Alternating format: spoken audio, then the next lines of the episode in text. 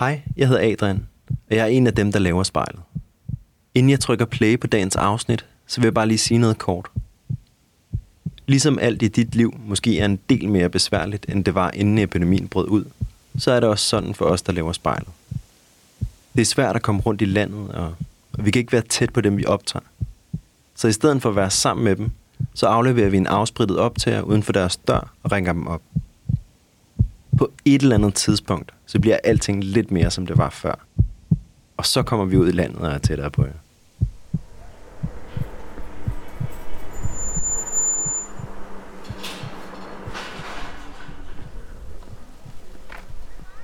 Jeg har kørt ud til Yder Nørrebro, og jeg er lidt i tvivl om, hvorvidt det er moralsk forsvarligt. Det er en meget tom by, man kører igennem.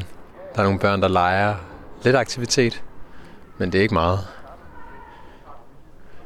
Og grunden til, at jeg kørte kørt herud, det er for at aflægge en optager hos Linnea. Hun er en af dem, jeg kender, der virkelig har et højt tempo og altid har gang i et eller andet. Men nu sidder hun ligesom mig og alle mulige andre oppe i sin lejlighed og isolerer sig. Jeg er spændt på at høre, hvad hun får tiden til at gå med. Om hun er ved at blive bims af ikke at have noget at lave. Eller om der er nogle andre tanker, der melder sig. Så nu vil jeg ringe på og aflevere en afsprittet optager til Linnea. Og så vil jeg til at ringe hende op og høre, hvad der sker, når hun sætter sig foran spejl. Vi ser os i spejlet hver dag. Som regel er det i forbifarten. Vi scanner lige kort, om vi ser ud, som vi skal, inden vi fortsætter vores dag. Vi ser det samme spejlbillede igen og igen, i små øjeblikke. Men hvad sker der, når vi tager os tid til at se os selv i spejlet? Hvad ser vi, når vi ser os selv i øjnene? Sådan rigtigt. Hver uge vil vi besøge fem unge og bede dem om at bruge en time selskab med deres eget spejlbillede. Jeg hedder Mads Bjørn Lundsgaard, og du lytter til spejlet.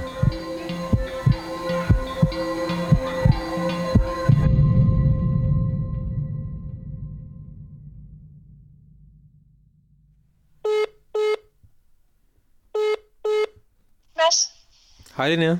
Ej, undskyld, jeg var lige nødt til at tage den. Nå, det er helt fint. Vil du ikke lige fortælle... det går godt. Hvad skal jeg fortælle?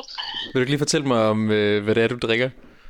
Jo, jeg har lige arrangeret mig selv ved mit øh, bord med et spejl, og foran mig er der en kop kaffe, sådan lidt lunken, og et glas, øh, stort, ret fyldt glas rødvin.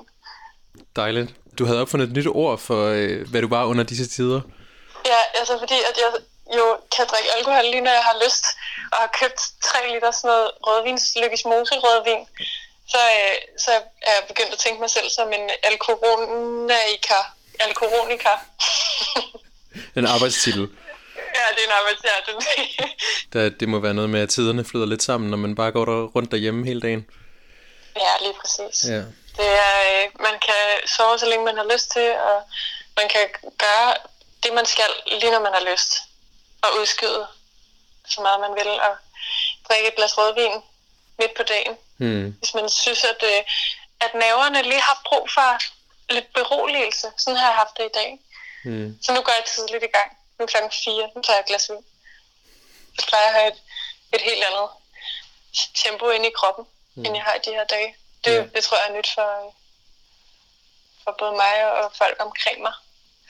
Og det er også, vi, finder, vi lærer jo alt muligt om os selv, og hvordan vi klarer os i de her tider, når, øh, når tingene er på den her måde. Altså jeg tror, det også kan, kan rigtig mange gode ting. Det tror jeg, du har ret i. Det føler jeg også, vi skal snakke lidt om i dag. Nu, øh, nu har jeg tændt for mikrofonen, nu, og så, så nu, nu sætter jeg mig ligesom lidt til rette. Jeg sidder og kigger på mig selv.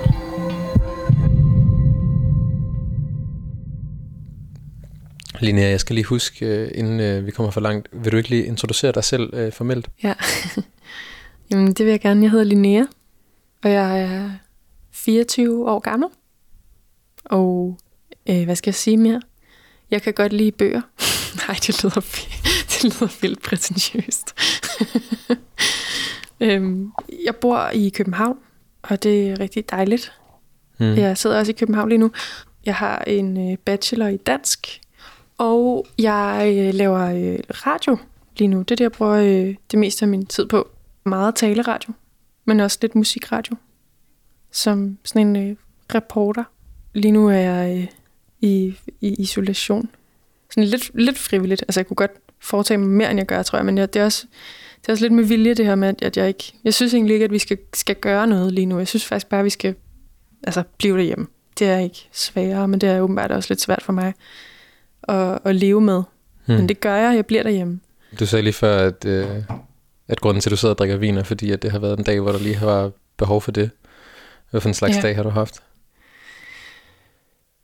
Øhm, I dag har været altså det sjette dagen af den her lidt nye, eller meget nye, isolerede tilværelse. Og det her har nok været den sværeste dag, selvom det i virkeligheden også har været den dag, hvor jeg har haft flest ting på programmet sådan som udgangspunkt, eller fra begyndelsen af dagen, har jeg ligesom haft mange ting, jeg gerne ville nå, og som jeg vidste, jeg skulle.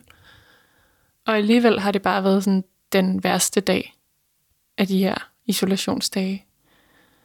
Hvorfor det? Jeg, jeg, jeg, jeg tror simpelthen bare, jeg, at realiteterne kom på en eller anden måde bare lige lidt tættere på mig. Og nu har jeg haft en så lang weekend, at det er ved at være øh, klar til at afslutte. Og nu vil jeg egentlig gerne have, at der skal ske noget, som jeg kender igen, og at, at jeg kan gøre noget mere almindeligt. Og sådan, altså, tage på arbejde eller ses med nogle af mine venner. Men det kan jeg ikke. Og, og det tror jeg bare, det er det, min, sådan, min krop ligesom længtes efter. Jeg har været sådan ret dårligt humør, faktisk. Men, og det ligner egentlig heller ikke mig, så alt er nyt.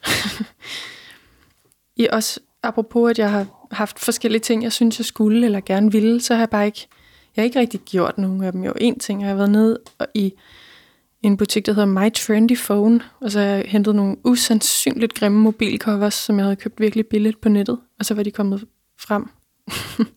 så det må have været nede at hente, eller inde i byen og hente. Men, men det var ligesom det, jeg nåede, som jeg synes, jeg skulle. Mm. Så det, har, det, har, der er sådan lidt en sådan ugidelighed og sådan, lidt sådan slør på mig. Altså det er sådan enormt understimulerende, det her med ikke at, ikke at skulle noget, og det kan jeg godt holde til, den sådan lidt ferieagtige dvaskhed, men det værste synes jeg er, at jeg ikke ved, hvor længe det skal vare. Så alt det, jeg synes, jeg skal i dag, det kan jeg lige så godt gøre i morgen. Jeg skulle til at spørge, hvad, hvad, hvad, skal du, hvad, hvad, hvad skulle du have lavet den her uge, hvis ikke det var for, for, det, for den her virus? det er faktisk sjovt, du, eller sådan, det er et godt spørgsmål, hvad jeg skulle have lavet, fordi jeg skulle egentlig ikke have lavet helt vildt meget. Jeg skulle have lavet noget lidt sådan noget løst, løs arbejde. Jeg arbejder øh, mest, det meste af tiden som øh, reporter, som, som sådan freelance journalist. Og jeg skulle have øh, lavet en, øh, en, sådan en lyddagbog sammen med en jazzmusiker. Men mest af alt, så var det her, inden der skete noget som helst med corona i Danmark, så var den her uge ligesom den første mere eller mindre ferieuge, ferielignende uge, som den første, jeg har haft i virkelig lang tid. Så, så, så alt det her med, at der ikke sker så meget, det var, har i virkeligheden været planen i min kalender, i den form, at der ikke har været ret mange ting i min kalender lige præcis den her uge, i rigtig lang tid. Og nu fordi, at, at situationen er så anderledes, og, og der er rigtig mange, der ikke laver noget som helst, og, og dagene ligner hinanden, så, så er det lige pludselig et problem, selvom jeg egentlig havde glædet mig helt vildt meget, og havde, havde sådan fundet bogbunker frem, som jeg skulle læse mig igennem, og ja, har noget stof liggende, jeg gerne vil sy i. Hmm. Alt muligt sådan hjemmehygge. Så det var på en måde planlagt. Det kunne ikke på en måde ikke være bedre, end at, at det her skete lige nu, fordi jeg alligevel ikke skulle så meget. Men der er et eller andet, der gør, at det virkelig er sådan... Det føles som om, det sådan suser rundt i kroppen på mig, den her følelse af, at jeg ikke ved, hvor lang tid det skal vare. Det er det, der er problemet, kan jeg mærke. Så det er virkelig ikke et spørgsmål om ikke at lave noget eller at lave noget. Det er et spørgsmål om frihed og usikkerhed. Helt klart. Det er helt klart et spørgsmål om frihed. Det er det. Linnea, nu skal du, øh, du skal jo øh, sidde en time foran spejlet. Og øh, du har fået det ind på dit værelse, kan jeg forstå? Ja. Hmm. Det har jeg. Det, det hænger faktisk altid på mit værelse ved siden af sådan et tøjstativ, jeg har. Hvad er det? Sådan en halvfigurspejl, eller sådan noget med en mørk træramme rundt om. Man kan se kvasterne på. Det er sådan et, min mor havde, da hun var ung. Og det har jeg nu. og det står, øh, det står på stolen over for mig. Det er sådan lidt min samtalepartner. Det er faktisk et meget fint symbol. hmm. Hvad tænker ja. du om at skulle have dig selv som samtalepartner en times tid? Mm, det kan jeg egentlig meget godt lide. Altså, det hjælper jo også at have dig i den anden ende. Altså, jeg kan faktisk godt lide at være alene i mit eget hoved, men jeg kan ikke lide det, hvis det er tvunget. Men og når jeg siger tvunget, så er det jo fordi, jeg er bange for, at, at det kommer det til at være i, i de næste mange uger. Jeg har, jeg har egentlig masser af social kontakt, men det er nok det der med, at jeg ikke, jeg kan bare ikke gøre, som jeg plejer. Det synes jeg er svært. Det forstår jeg Fordi jeg kan sindssygt godt lide at gøre de ting, jeg plejer at gøre. Men det kan jeg jo så lære nu, hmm. hvor meget jeg egentlig sætter pris på det. Prøv lige at lukke øjnene, Linnea. Ja. Og så prøv at tage par dybe indåndinger.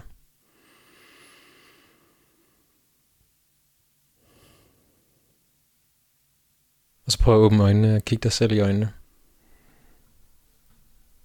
Og så fortæl mig, hvad du ser. Jeg ser en øh, ung kvinde, som er... Øh,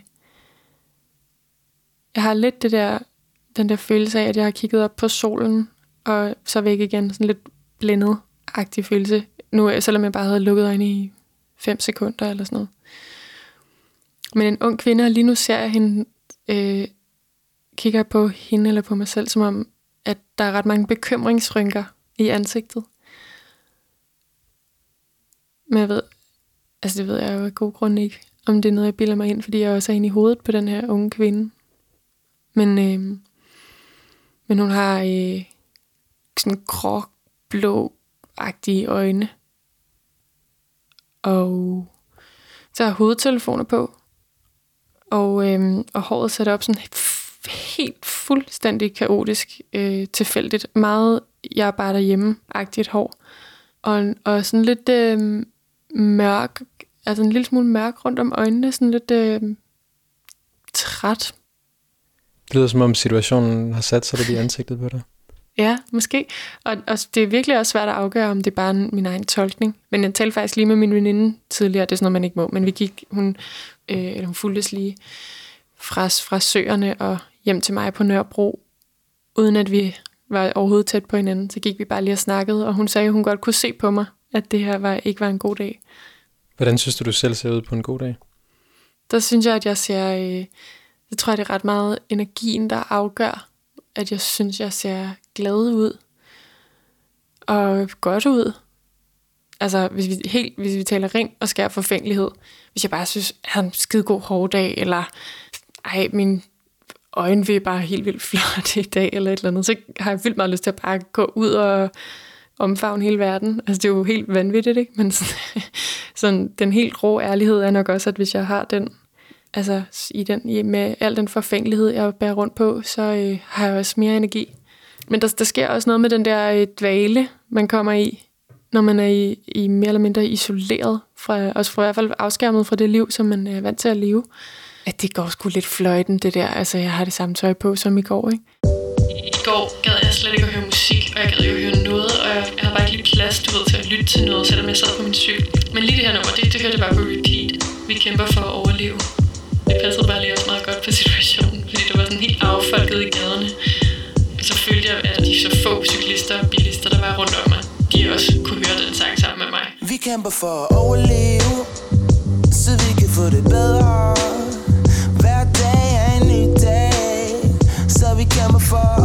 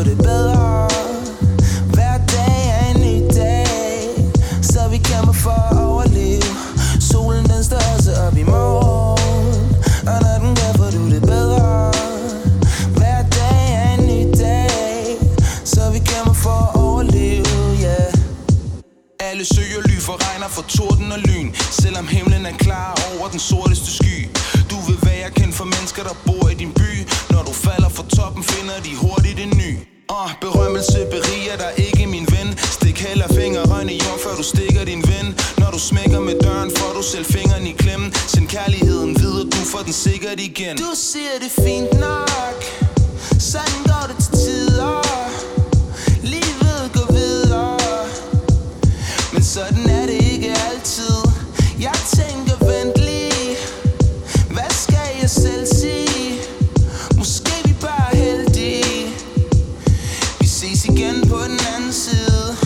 for at overleve Så vi kan få det bedre.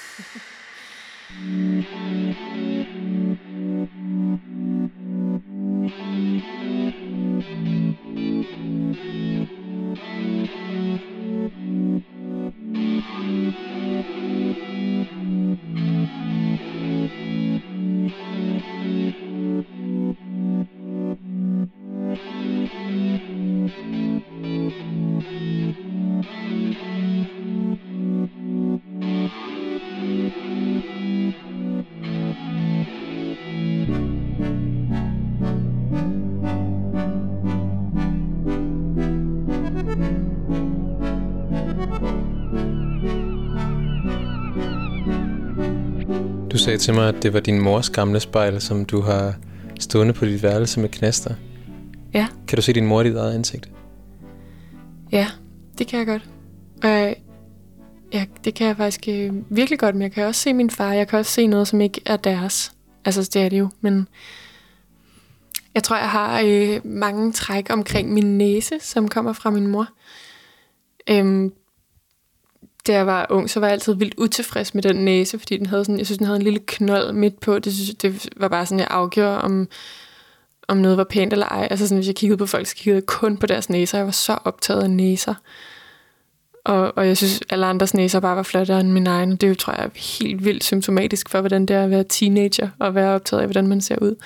Men nu har jeg sådan mere eller mindre fundet fred med den næse, jeg har. Den har selvfølgelig også ændret sig siden, fordi resten af min krop er vokset. Men, øh, men, men jeg har helt klart nogle træk fra, øh, fra min mor der. Og det er sgu svært lige at sige, hvordan den egentlig ser ud. Altså, den sidder jo bare midt i ansigtet, ikke?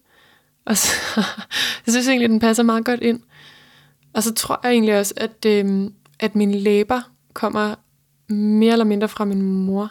Eller, Det, det tror jeg nok. Jeg ved faktisk ikke helt, hvordan min fars læber ser ud, fordi han hele mit liv har haft en kæmpe stort fuldskæg og overskæg også. Jeg, hans læber har jeg faktisk aldrig sådan helt set. Altså det har jeg selvfølgelig, men de er altid pakket lidt ind i hår. Øhm, men, de, men, men læberne her, de er sådan, de, de er der. De er ligesom ikke, der er nogen, der sådan ikke rigtig har læber, men, men bare lidt hud sådan rundt om tænderne, som er helt flat. Og jeg har, min, jeg har overhovedet ikke store læber, men, men der er noget, der er noget læbe der, ikke? En anden type hud end i resten af ansigtet, som er sådan, øh, er lidt mørkere rødt end, end resten af min ellers meget blege hud. Men det er også øh, grænseoverskridende at skulle sætte ord på, hvordan man selv ser ud. Eller grænseoverskridende svært. Altså det er ikke, det er jo, jeg ved jo godt, hvordan jeg ser ud, men i virkeligheden kigger øh, de fleste andre mennesker jo på mig mere tid, end jeg selv gør. Altså ikke dermed sagt, at jeg kigger mig også i spejlet, det gør jeg helt sikkert. Men, men jo, jeg ser jo ikke lige så meget mig selv, som alle andre gør. Jeg kan godt genkende, hvis nogen ligner mig. Jeg kan godt se et andet menneske og tænke, gud, det der kunne egentlig godt have været mig, hvis lige det og det og det var anderledes. Men, men det er meget sjældent, hvis nogensinde, at jeg sætter ord på, hvordan mit, altså sådan i detaljer, hvordan mit ansigt ser ud. Men jeg, er ikke så, jeg tænker ikke så tit over mit ansigt, når jeg ikke kigger på mig selv i spejlet. Så det er ikke sådan noget, jeg går for energi af, hvis du forstår, hvad jeg mener. Altså nogle gange kan man være sådan vildt glad for noget, så er det bare, så er det det, der løfter alting. Et, altså hvad som helst, der er fedt. Ikke nødvendigvis nogens udseende eller noget, der ser ud på en bestemt måde, men bare et eller andet dejligt. Det kan man få sådan helt vildt meget energi af at komme i tanker om. Men sådan har jeg det ikke med mit ansigt. Det, det er der bare. Det er fint. Skal jeg lige, vil du lige have lyden af mig, der slupper noget rødvin? Okay, det kommer her. After all, isn't it the time that we made? Sådan. Skål. Skål. Ja, jeg vil ønske, at jeg lige selv havde noget. Det må jeg lige ned og hamstre. Mm, skynd dig, inden de varsler udgangsforbud. I've tried so hard to be there for you. Det er bare sådan en virkelig fin nummer, som handler om at prøve at tømme sit hoved, så man, øh, så man ikke tager sine bekymringer med hen til den, man elsker.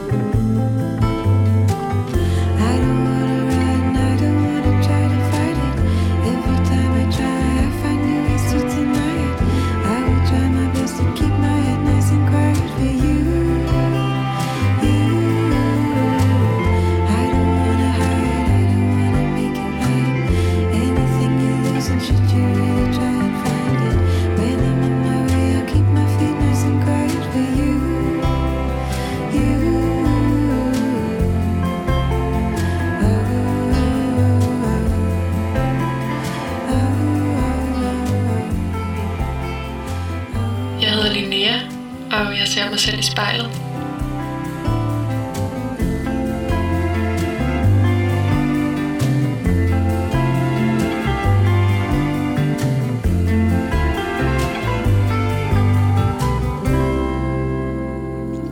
Linnea, du fortalte mig lidt om, øh, om hvordan du var som teenager, og du var meget sådan optaget af din, øh, af din næse, og der var på en eller anden måde en, en, en underlig forfængelighed, som du på en eller anden måde har fralagt dig.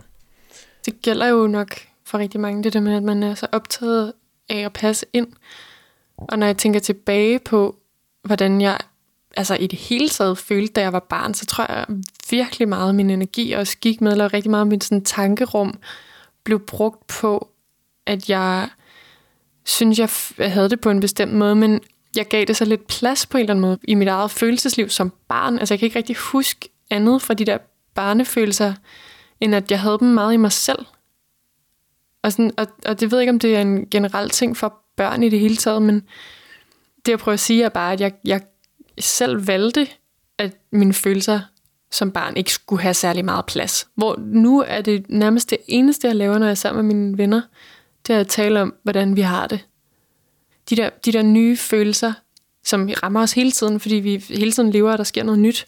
Så, og nu må det bare så gerne være der. Altså nu er det bare spændende, ikke? Altså samtidig med, at det kan være hårdt og alt muligt andet. Og dejligt og sådan noget. Det at føle er noget helt andet i dag, end det var, da jeg var barn.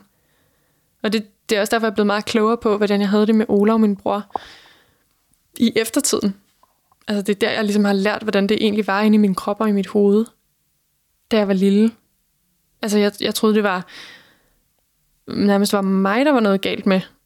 Mm, fordi jeg ikke havde nogen at spejle det i. Det med at have en handicappet bror. Linnea, vil du ikke fortælle mig lidt om, hvordan du voksede op? jo, det vil jeg gerne. Øhm, jeg voksede op på Midtjylland, mellem Holbæk og Roskilde.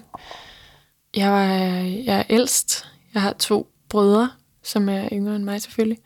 Min mor er, er norsk, og min far er vokset op alle mulige steder i landet, men er født på Fyn. Og de har mødt hinanden i Aarhus. Og så, øh, altså, nærmest al den tid, de har kendt hinanden, har jeg også været en del af deres liv, fordi der gik simpelthen så usandsynligt kort tid, fra de mødte hinanden til de blev gravide. Der gik seks uger. Så jeg, de har virkelig ikke haft særlig lang tid, bare de to. Jeg har nærmest været der hele tiden, faktisk. Og øh, efter mig er der kommet to brødre, og øh, jeg voksede op i sådan et parcelhus på en, en øh, helt almindelig, stille og rolig vej med grundejerforening og vejfester. Og sådan en øh, stor fodboldbane lige ved siden af vores have, hvor jeg bare styrtede rundt. og lavede øh, værmøller og spillede rundbold med, med sådan børnene fra vejen. Altså når jeg tænker tilbage på det nu, så er der ret meget sådan Astrid Lindgrensk idyll over min barndom, og det har jo været mange facetteret. Men når jeg lige sådan hurtigt skal lave sådan et ris over min barndom, så er det ret meget sådan nogle ting, jeg tænker på. At jeg selv kunne cykle i skole, og at vi spillede øh, sådan et spil, der hedder 1, 2, 3, 4. Hmm. Og så, øh, ja, så, så alle de der følelser, som børn har. You know I love you so bad. I don't believe Sygt fedt nummer, som øh, minder mig lidt om, at man også kan være forelsket, når man er barn. Altså apropos børns følelser. De der kærlighedsfølelser, børn kan rumme. You know I love you so bad. Like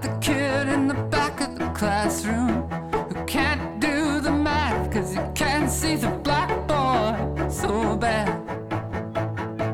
You know I love you so bad.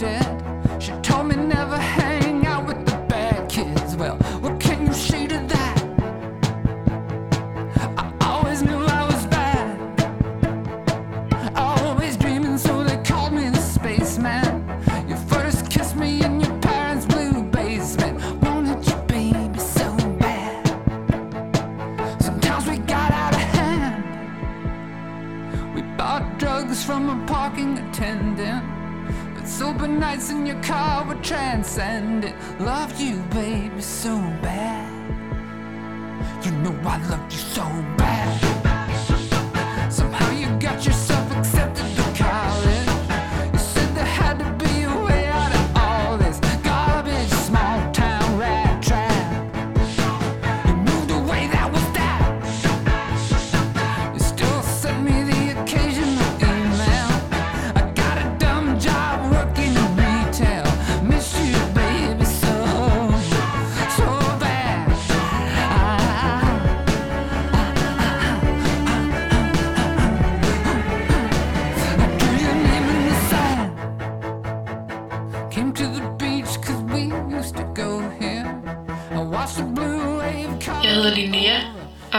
Mig selv i spejlet.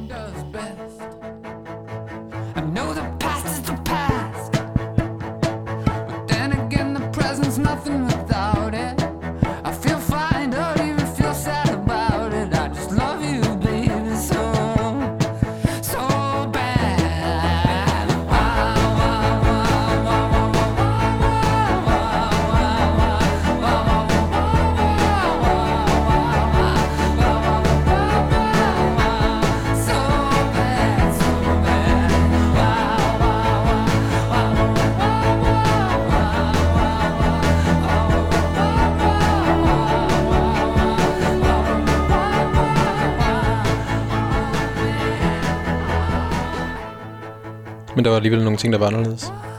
Mm. Der var nogle ting, der var anderledes. Og jeg ved ikke, om det er, er også anderledes i sig selv at føle, at man har været anderledes, da man var barn. Det kan godt være, at alle har det sådan. Men, men, øh, men jeg hæftede mig også ret meget ved, hvordan jeg var anderledes, tror jeg. Altså, jeg var meget opmærksom på det, fordi jeg havde en norsk mor, så der har altid været to sprog hjemme hos mig, og to kulturer, som på mange måder er helt vildt beslægtet. Dansk og norsk kultur har, øh, deler rigtig mange ting. Og så, øh, og så min bror, min yngste bror, som er fem år yngre end mig, han hedder, han, øh, Olav hedder han. Han øh, er handicappet på alle mulige måder, mange diagnoser. Altså, måske kan man sammenligne ham lidt med et barn med Downs, men det har han ikke. Han er udviklingshemmet, både mentalt og fysisk, og har alle mulige andre sådan ekstra diagnoser. Jeg har altid taget meget ansvar, og altid også forsvaret ham, men samtidig haft den der uge, når vi var ude at handle, og han var med, så var jeg også vildt opmærksom på, hvem der var der, og, altså i brusen. Hvad andre må tænkte om min familie på grund af ham. Og, og øh, det, det kan godt være, at alle børn bare har et eller andet, som de synes gør, at man skiller sig ud fra alle de andre. Men jeg, jeg har også virkelig brugt det der meget. Og det er ikke, ikke kun det at have en bror, der havde alle mulige særlige eller flere behov end de fleste andre børn. Men, men det der med, jeg har hele tiden, tror jeg også, dyrket det at være anderledes. Fundet helt vildt meget styrke i det. altså alle de andre i min klasse, bortset fra mig og en anden min folkeskoleklasse, de skulle konfirmeres. Mm. Og jeg tror nærmest, det var den øh, største grund til, at det skulle jeg i hvert fald ikke. Og det er fordi, jeg altid ligesom har... Og det, det er sikkert sindssygt irriterende at være sammen med en, der har det sådan. Men jeg skulle bare altid lede efter de steder, hvor jeg lige... Altså, det leder i standpunkt, ikke? Rasmus modsat. Fuldstændig. Jeg skulle altid udfordre, sådan, som tingene blev gjort. Og altså, og både det at have den der norske, og så og, altså norske side, og to sprog og sådan noget, og så det med, med, med min bror, der var så anderledes end, end alle andre børn. Det har, har øh, det tror jeg har fyldt rigtig meget af, af den der identitetsdannelse, som, øh, som alle børn jo går igennem, og som man sikkert altid går igennem som menneske i det hele taget, men som jeg selvfølgelig også var opmærksom på, da jeg var, var lille, det, hvad, hvad jeg egentlig var, eller hvem jeg var, hvad jeg kom fra og sådan noget. Ikke? Og der har det fyldt ret meget, det her med at have en bror, der var anderledes.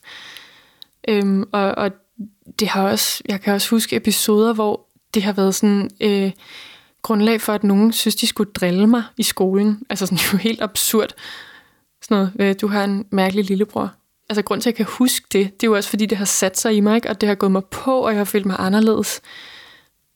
Og det, jeg ved ikke, om det er det, det kommer fra, men, men, men meget sådan min egen selvforståelse er også nu den dag i dag, baseret på være anderledes, og, og meget bevidst anderledes, eller gøre tingene anderledes. Det er sikkert slet ikke sådan, det egentlig ser ud, hvis andre oplever mig, så tænker man sikkert, at hun er helt almindelig. Men det er meget sådan noget, jeg, eller på en eller anden måde fundet styrke i, at opponere mod de gængse normer. Was it a huntsman or a player that made you pay the cost? That now assumes relaxed positions and prostitutes your loss? Were you tortured by your own thirst in those pleasures that you seek? That made you Tom the Curious, that makes you James the Weak. Det er en rigtig dejlig sang. Og jeg synes, den passer helt vildt godt til solskinsvær og øh, noget med at køre langt. Og det er helt sikkert, fordi jeg har hørt den i lige præcis sådan en situation. And you claim you got something going. Something you call unique. But I've seen your self-pity showing As the tears roll down your cheeks Og så der sådan et vildt fint sådan en lille...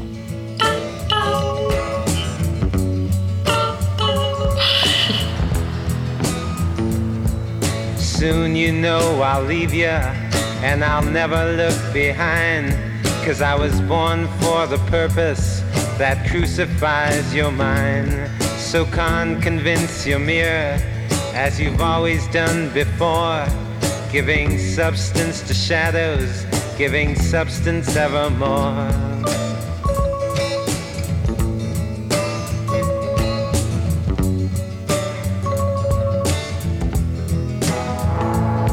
and you assume you got something to offer. Secret shiny in you. But how much of you is repetition that you didn't whisper to him too? Jeg hedder Linnea, og jeg ser mig selv i spejlet.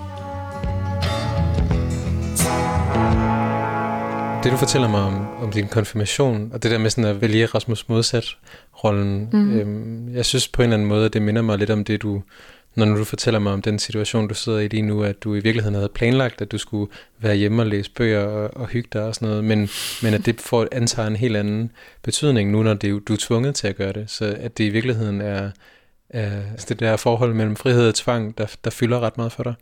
Ja, det er faktisk virkelig rigtigt. Det er godt set. Altså, så gider jeg bare virkelig ikke, hvis jeg skal. Det er jo, det er jo super irriterende at have med at gøre. Altså, jeg bliver sådan helt flov, når jeg hører mig selv sige det højt. Men det, det er ret meget sådan, jeg er bygget, tror jeg. Fordi at der, er en eller anden, der er noget, der siger, at jeg skal blive hjemme noget, eller en regering. Og samtidig så er jeg jo også blevet voksen, så jeg vil blive hjemme. Altså, det skal ikke være anderledes, men det er også derfor, jeg ikke kan lide det. Men jeg er, øh, selvom jeg ikke har nogen bedsteforældre selv, som kan være i, i særlig risiko for at samle den her coronavirus op, så føler jeg mig sådan, jeg føler, at jeg, tager, at jeg virkelig tager det der ansvar alvorligt, som vi alle sammen har. Og jeg synes også, det er helt vildt spændende at være en del af. Men jeg synes også, det er sindssygt mærkeligt. Men du, jeg tror, du har helt ret, at, at når, når det er sådan noget, noget, jeg skal, så gider jeg ikke. Men, men, øh, men det er sådan en situation, hvor man ikke man bliver simpelthen nødt til at slappe lidt af med det der med at skulle være anderledes end alle andre, fordi lige nu er der noget, der er meget vigtigere. Det, det kan jeg heldigvis godt se ud over. Har du svært ved at indgå kompromiser? Nej, det synes jeg faktisk ikke, jeg har. Jeg synes faktisk, jeg er en, jeg er en god forhandler, og nogle gange næsten for konfliktsky. Så det kan være, at jeg lyder helt vildt brysk og bare vil have det på min måde, og sådan noget, når jeg siger de her ting, men sådan er det faktisk ikke rigtigt. Jeg vil også gerne gå ud af sådan nogle situationer, der kunne have været konflikter, med en følelse af, at, øh, at, at det ikke bare er mig, der er glad. Men altså, jeg vil, det er i øvrigt altså en helt anden side af det der med at vokse op med en bror, som har nogle helt anderledes behov end de fleste andre børn. Og det har han stadig, selvom han bliver 20 år i år. Og kommer til at blive ved med at have det hele sit liv. Altså en helt anden side, det er noget med, at jeg... Altså så kan jeg være så optaget af, at andre har det godt, eller være så optaget af at høre om, hvordan andre har det, at jeg ikke... Øh, altså det ikke fylder noget, heller ikke i mit hoved, hvordan jeg selv har det. Altså det, det forsvinder ligesom i, i andres nærvær. Og så, så bliver det sat i spil, mine egne følelser kommer ligesom på banen, hvis jeg skal bruge det til at spejle mig i det, nogen fortæller mig, eller... Øhm, Hvordan synes du, det er at være i den her ende af interviewforholdet? Mm, det, det, jeg var ret spændt på det faktisk.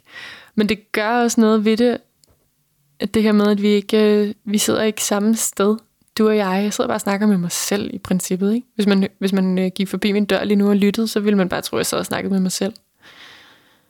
Måske. Men øh, så, så, så på en eller anden måde hjælper det lidt, at, jeg, at der ikke er nogen, der ser mig se mig selv i spejlet. Det synes jeg tit er grænseoverskridende, hvis nogen gør. Det er sådan noget, jeg giver sådan et flygtigt blik, kan jeg finde på at kigge på mig selv i en butiksrude. Men, men helst ikke, hvis nogen ser mig gøre det, vel? Come on, let's have it out. Go ahead and try a little crazy on me. Det er en sang, som jeg brugte, da jeg skrev min øh, sidste eksamensopgave. Hver gang jeg skulle holde pause, så skruede jeg helt op på hovedtelefonerne. Altså, det var makset ud.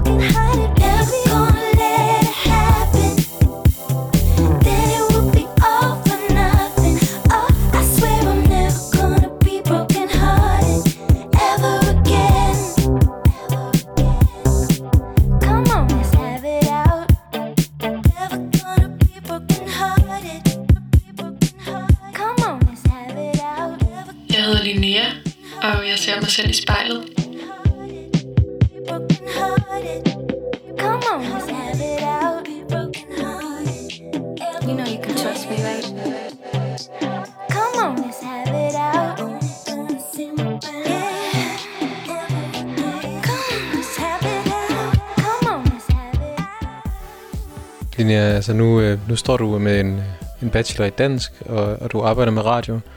Øh, og på den måde indskriver du dig jo lidt i samme øh, gruppe som mig, som man kunne kalde prekariatet.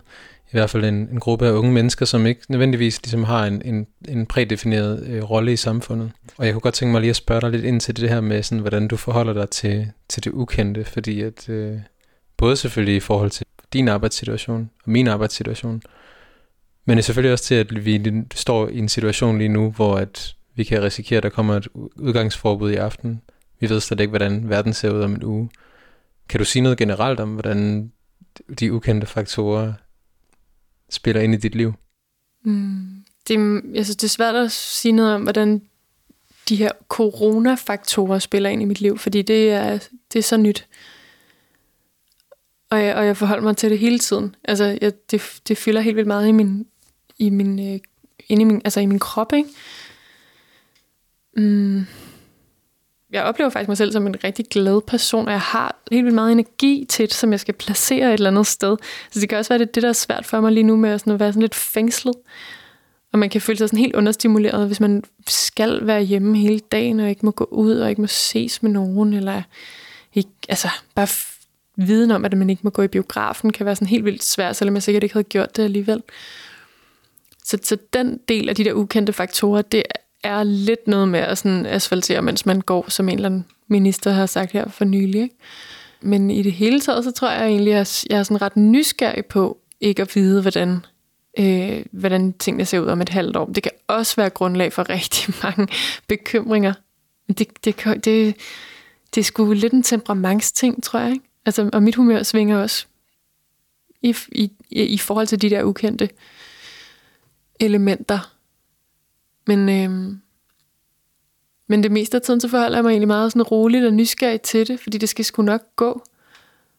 Og hele det, der, altså hele det med sådan at være en del af sådan et prekariat, som skal ud og opfinde sit eget arbejdsliv, og finde, altså virkelig finde på, hvad man kan finde ud af. Fordi det er der ikke nogen, der fortæller en, og det står heller ikke nødvendigvis på et eksamensbevis, hvad man sådan kan udføre i, på arbejdsmarkedet eller i et arbejdsliv. Det har jeg det egentlig fint med. Lige nu i hvert fald. Det kan være på et tidspunkt for psykopat meget nok af, at jeg skulle hele tiden finde på, eller leve af mine egne idéer, eller øh, sælge mig selv til en arbejdsgiver på den der måde hele tiden, i stedet for bare at være ansat et sted. Men der er også noget lidt fedt ved det. Altså, der er sindssygt meget fedt ved det. for rigtig meget energi af det. Og noget, som, som virkelig gør, at det ikke skræmmer mig så meget, tror jeg, det er, at jeg bare altid har været rigtig glad for at arbejde. Altså, og det kan lyde sådan vildt frelst og irriterende, men det har jeg virkelig. Jeg arbejdede på en fabrik, da jeg var 13 år. Sådan en øh, aluminiumsfabrik. Og jeg synes bare, det var... Altså, det synes jeg var ret hårdt på mange måder, men jeg synes også, det var det fedeste. Fordi det var mit eget, og det var ikke sådan... De penge, jeg tjente der, var, kom ikke fra mine forældre. Det var bare, altså, det var, dem havde jeg sgu kun, fordi jeg selv havde gjort noget for dem. Og det, øh, det kan jo lyde sådan helt, altså, øh, ja. Men der er bare noget vildt, altså det skræmmer mig faktisk ikke, fordi jeg, jeg synes, det er sjovt at, at gå på arbejde. Jeg synes, det er sjovt at, at være nyttig et sted. Det har ikke så meget at gøre med, hvor mange penge, og at det at tjene penge, det har det selvfølgelig også. Men jeg synes bare, det er sjovt, at der er nogen, der, der øh, har brug for mig. Det kan jeg godt lide. Og, og så kan det nærmest være hvor som helst. Ja, det forstår jeg godt. Det, og det er ja. måske lidt en parallel til den situation, vi står i lige nu, at vi er godt er klar over, at det er alvorligt, og at, og der kan ske mange ting, men der er også noget spændende i, som du selv siger, at dine bedsteforældre har ikke noget at opleve en pandemi, og nu står vi her midt i den, og, og vi snakker sammen i dag, og du skriver din dagbog, og det er i virkeligheden et historisk øjeblik. Ja, det er, helt, det, det er jo det er det jo virkelig. Og det er også noget med det, altså der synes jeg også, det er ret smukt på en eller anden måde, at man kan tilsidesætte sig selv så meget, at, at alle de økonomiske bekymringer, der også måtte følge med, at man som øh, altså ikke fastansat nogen steder, øh, også er en del af den her situation, og ikke nødvendigvis har noget arbejde i april måned, fordi der er tingene givetvis stadig lukket ned. Mm. Ja. Det, øh, det, det er også helt vildt fint og virkelig sådan som, som, som en del af et kollektiv s- rigtig smukt, synes jeg, rigtig, eller rigtig fint, og nærmest, altså nogle gange, når jeg tænker det til ende, sådan helt rørende, at, at vi alle sammen må tage det ansvar og betale den pris, det, det kommer til at koste, fordi der er simpelthen bare lige noget, der er, større lige nu end vores egen navle. Mm. Og, og det skal sgu nok gå. Altså, der, der er alligevel, der tænker jeg, at Danmark også er, er, må på mange måder være et af de lande, der er bedst rustet til at stå igennem det. Så det, det må vi skulle prøve på, ikke? Jo. Det føles lidt som, om, som sådan en valgdag, bare hele tiden. Det er lidt den følelse, jeg kan få i kroppen, når jeg tænker på det her kollektiv isolation, ikke? Altså, på valgdagen er vi alle sammen en del af et større hele, og vi ved det godt. Jeg tænker, det fylder noget for, for langt de fleste, når på den dag, hvor vi skal stemme til et folketingsvalg. Og på samme måde, så ved vi jo også godt, at det her fylder noget for langt de fleste hver dag lige nu. Fordi de, at rigtig mange har fået rytmerne lagt om, eller har en familie derhjemme, som, som prøver at indrette sig i nogle, nogle nye måder at gøre tingene på lige nu. Og, Mm. og det der med at vide, at de andre er lige nu optaget af det samme som mig, det, her, det synes jeg er så smukt. Altså, det lyder helt vanvittigt. Men det, det synes jeg bare virkelig er sådan rørende. Også det, det der med at stå i kø til en stemmeurne, det har jeg altid haft den altså, vildeste optur over. Fordi at vi har været i gang med det samme. Altså, jeg tror, det er, fordi vi er så...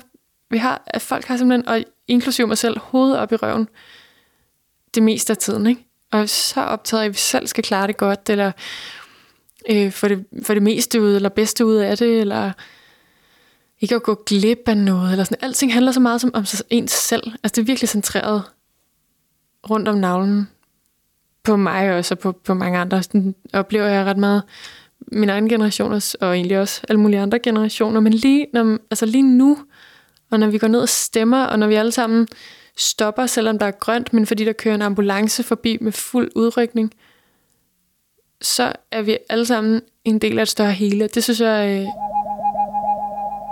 altså på en eller anden måde burde vi bare have flere af den slags oplevelser sammen.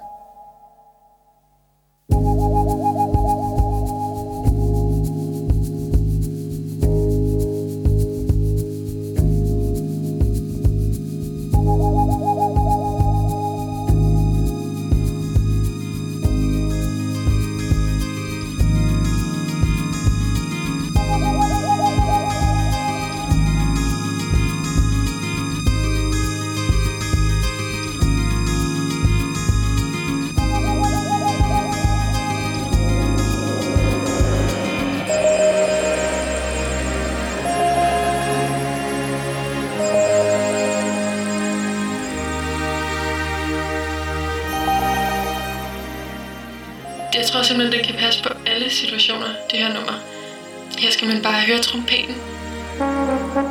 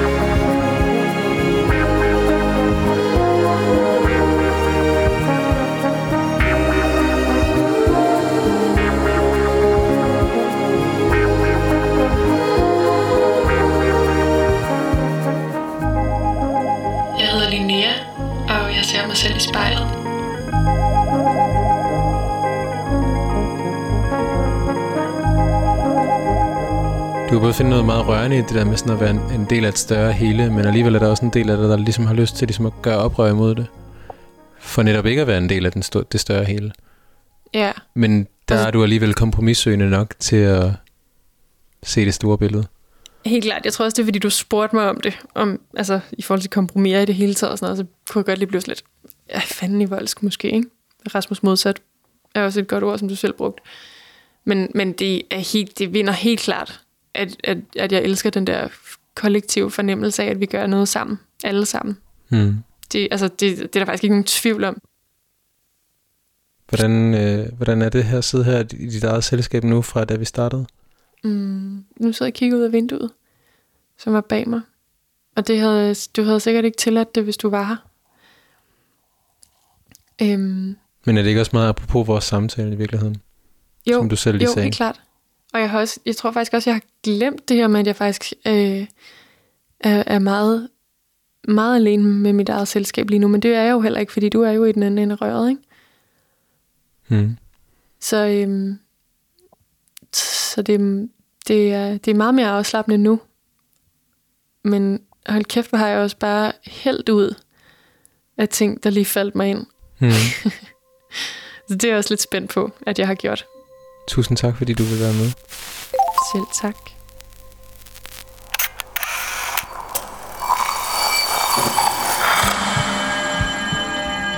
Du har lyttet til Spejlet. Produceret af Kontrafej. Klippet og tilrettelagt af mig. Jeg hedder Mads Bjørn Lundsgaard, og vores redaktør er Kim Pilvester. Musikken blev valgt af personen foran spejlet, og du kan finde spejlets playliste på din streamingtjeneste. Hvis du har noget på hjerte, eller hvis du har en idé til, hvem der skal foran spejlet, så skriv til os på Instagram.